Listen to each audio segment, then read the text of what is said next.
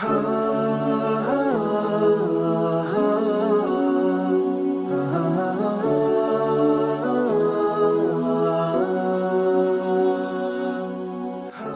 alaikum och välkommen till Koranpodden.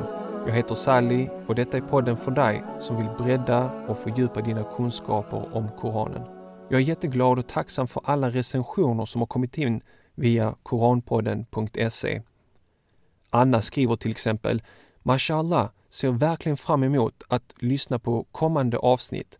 Jasmin skriver Mashallah, jag har länge önskat en lite mer djupgående förklaring av surorna så jag ser fram emot kommande föreläsningar.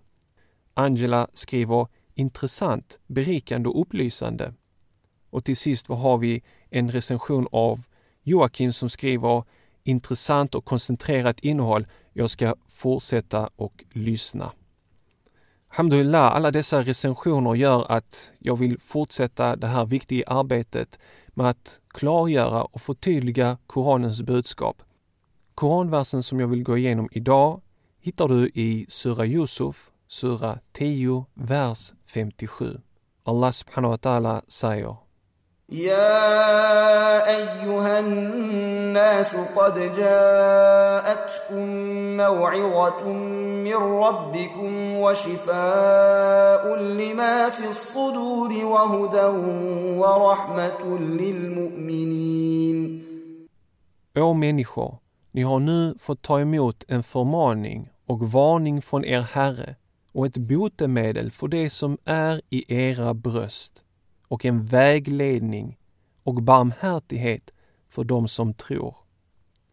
De lärda säger att sjukdomarna som finns i bröstet på människor är sådana andliga sjukdomar som ignorans eller okunnighet, tvivel, hyckleri, oro, vidskepelse och hat.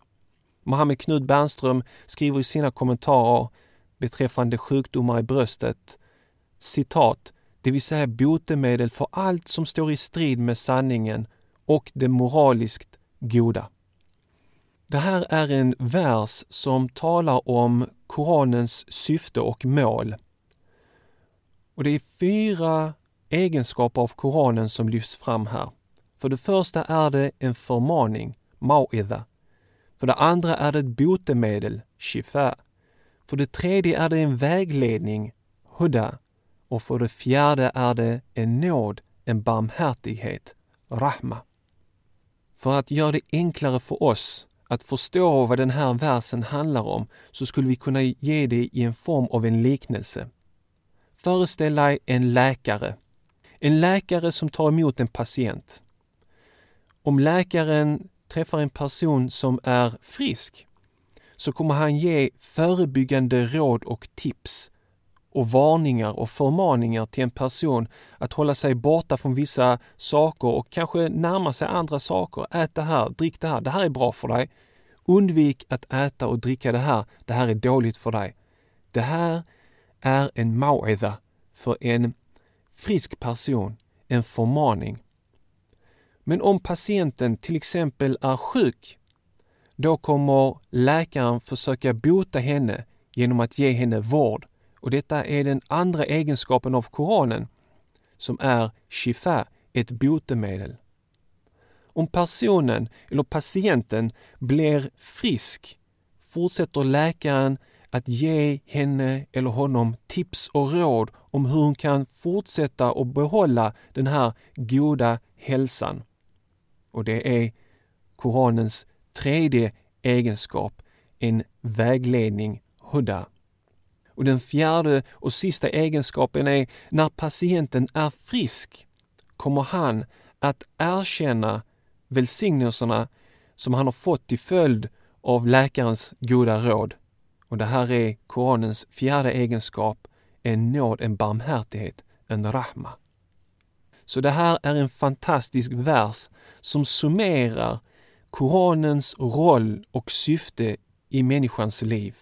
Det är en förmaning, en maoida. Det är ett botemedel, det är en vägledning och det är en nåd och barmhärtighet. Och en av grundbultarna i den här versen är att det är en skrift till alla människor. Ja, Johannes, å människor.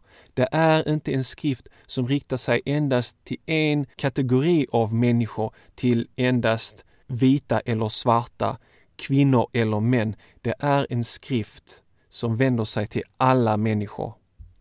Så nu när vi har förstått hur omfattande Koranens roll och syfte är i människans liv så fortsätter Allah subhanahu wa ta'ala att påminna oss i nästa koranvers, vers 58, där Allah subhanahu wa ta'ala säger قل بفضل الله وبرحمته فبذلك فليفرحوا هو خير مما يجمعون Säg, gläds över dessa Allahs gåvor och över hans barmhärtighet som är för mer än de rikedomar ni kan samla. Det här är en vers som ger oss tröst, en förtröstan på att Gud belönar dem som gläds över hans gåvor och hans barmhärtighet, vilket i det här fallet är Allahs uppenbarade ord, Koranen, som är för mer än allt det som vi kan samla här på jorden. Om vi har Koranen så har vi den bästa rikedomen som vi någonsin kan få.